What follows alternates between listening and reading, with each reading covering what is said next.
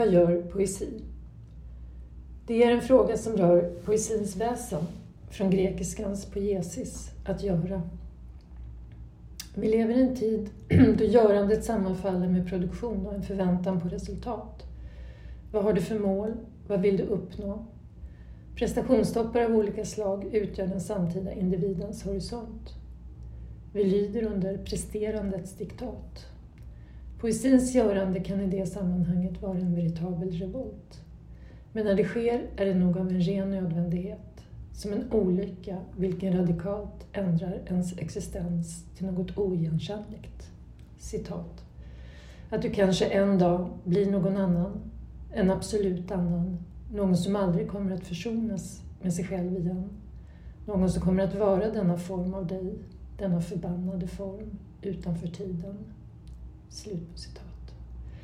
Orden av den franska filosofen Catherine Malabou inledde Jenny Tunedals förra diktsamling Rosor skador, vilken är skriven ur erfarenheten av att ha en mor som drabbas av demens. En olycka som en gång för alla oåterkalleligt förändrar existensen. En följdriktighet löper genom Tunedals tre senaste diktsamlingar. Mitt krig, sviter från 2011, Rosor skador från 2017 och nu den senaste, Dröm, babydröm.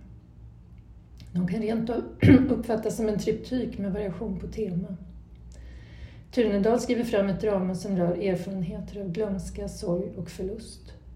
Det finns en vrede i alla tre verken, ett slags besatthet av livets orättvisa som samtidigt också är allmängiltig. En gång gav den kristna diskursen ett mäktigt förslag på lösning, eller förlösning, på den olösliga problematiken.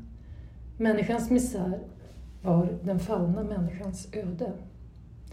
Den klassiska dramatiken med eviga verk som kung Oidipus och Antigone utgjorde ett annat sätt att ge den tragiska erfarenheten gestalt. Frågan är vad vi kan luta oss mot idag när vi drabbas av existensens olycka. Svaret kan helt enkelt vara ingenting, vilket öppnar för att bejaka det faktum att det inte finns någon lösning, inget resultat, inget att uppnå. Diktens görande blir då ett motstånd mot alla former av anpassning eller frälsning. Ett görande som hämtar kraft ur det nakna konstaterandet att sorgen inte går över. Så läs i alla fall Tunedals tre senaste diktsamlingar. Motståndet märks bland annat i hur Tunedals poesi värjer sig mot berättelsen. Det är ett tillrättaläggande av händelser och skeenden som även psykoanalysen med sin familjeroman har bidragit till. Som det så skarpt står i Mitt krigs sviter, citat. Det psykoanalytiska är i längden bara en tillbakagång till den stora, långa, tråkiga, regelbundna europeiska berättelsen. Slut på citat. Och demens som sådan är ju all berättelses skingring. I samma samling föregrips rosor skador med en rad som citat. Det är över nu, vid kanten, den vita färgen, det som kallas utan själ. Slut på citat. Orden utan själ är ju vad demens betyder etymologiskt och den betydelsen blir central i rosor skador där en av dikterna just heter Demens betyder utan själ. Ja, vad händer med en människa som förlorar språk och minne medan hon lever? Och vad händer med dem som står henne nära? Jag uppfattar att det framförallt är den senare frågan som undersöks vidare i den senaste samlingen. Dröm, baby dröm. Som i Rosor skador finns här en dramatisk struktur med scener och repliker och som i den grekiska tragedin finns även en kör. Det finns en kung och en drottning och deras barn. Men fortfarande och framförallt en mor och en dotter, eller snarare döttrar. Om Shakespeares drama King Lear gav stoff i den förra samlingen träder Sofokles tragedier tydligare fram i den senare, med Elektra och bakom henne Ifgenia som återkommande figurer.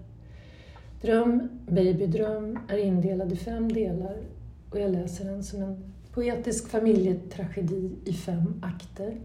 Men som dikten My Pleasure konstaterar, citat, det finns ingen handling i det här dramat, bara repetitioner, handrörelser.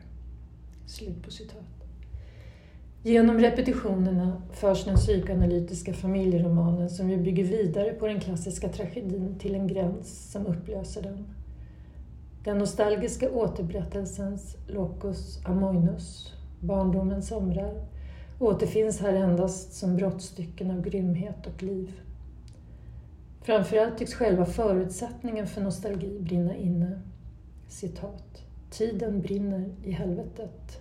Slut på citat. Det finns en lång litterär tradition av familjeupprörelser att ta stöd mot i denna upplösning av återberättandets tillrättalägganden. Och i Tunedals egen Helvetes brygel med titeln Familj brinner inte bara tiden. Citat. Mamma brinner i helvetet, pappa brinner i helvetet, barn brinner i helvetet, somrar brinner i helvetet. Slut på citat. Parallellt eller som grund i den traditionen finns förmodligen också erfarenheten av att livet inte har någon mening. Och I Tunedals dikt kan man återfinna Gunnar Ekelöfs harkrankar från Absentia animi, som ju också betyder utan själ. Men inte som de dumma jävlarna som flyger in i ljuset mot en säker död. Döden är här diktens utgångspunkt. Citat. Att förklara konsten för en död harkrank. Slut på citat.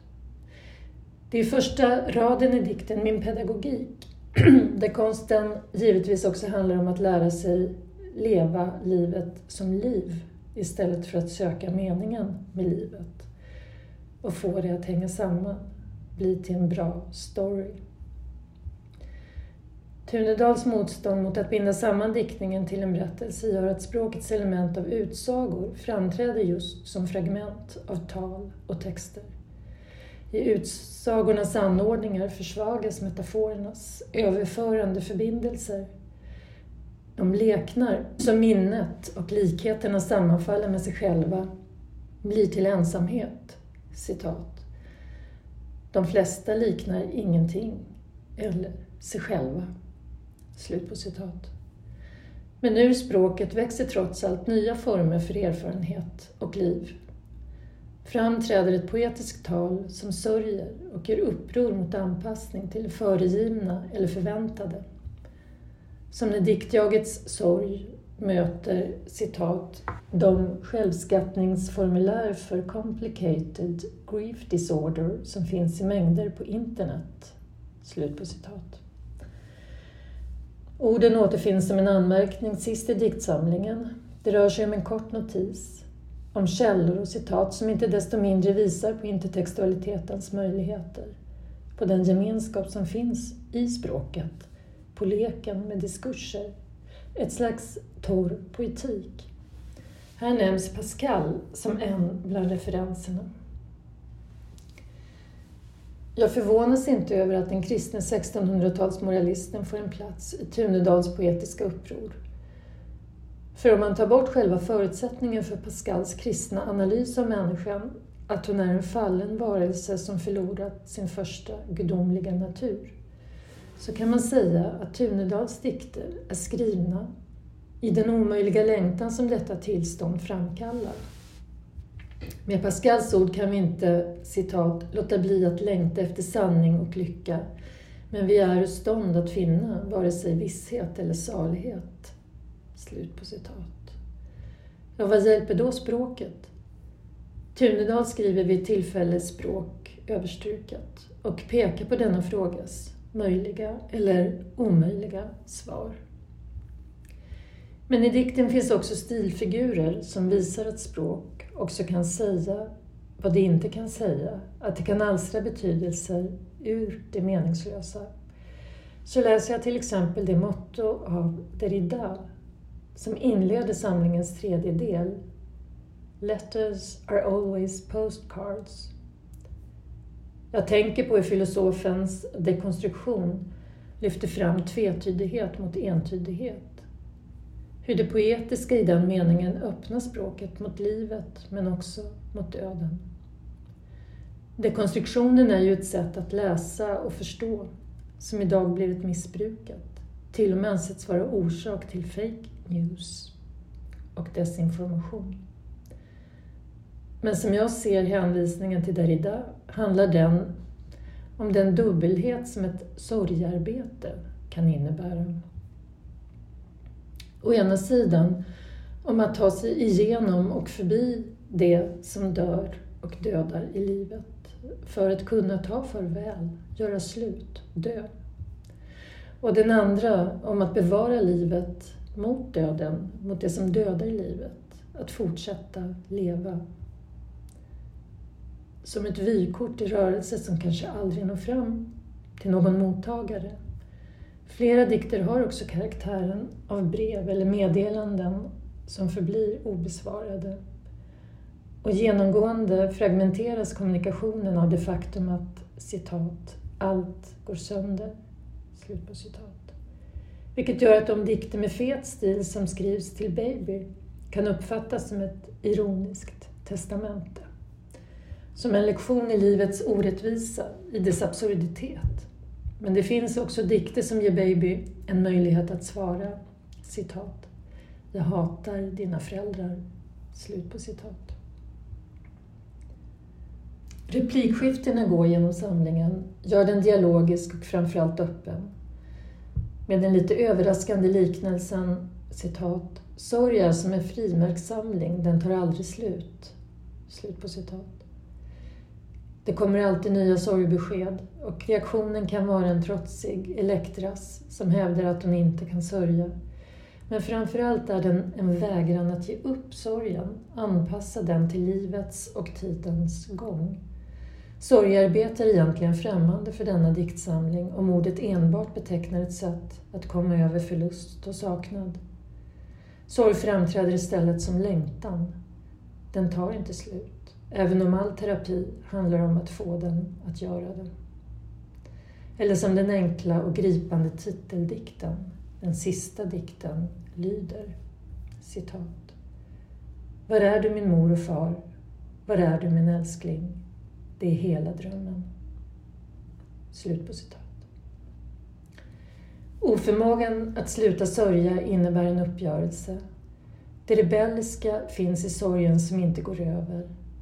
Och ett avstamp för den revolten anas i diktsamlingens inledande rader av Louise Glick. Citat. Jag ska berätta något för dig. Varenda dag dör det människor och det är bara början. Slut på citat. Hos Tunedal blir det en början som visar vad poesi kan göra. Med sina dikter går hon in i språkets tvetydigheter och får en kör av mening att ljuda igen i en egen sång som är full av olika röster och klar på en och samma gång. Den avslutande anmärkningen som talar om vad citaten är hämtade från, där jag förnimmer närvaron av en poetik, avslutas med orden citat. Alla är inte döda. Slut på citat. Det är ett konstaterande som ställs mot det döende som de inledande raderna vill berätta om. Mot det faktum att allt dör och förstörs finns allt som ännu är kvar att sörja, men också det liv som hela tiden blir till och tar nya former. Poesi får språk att leva och ger uttryck för det i livet som inte kan styras.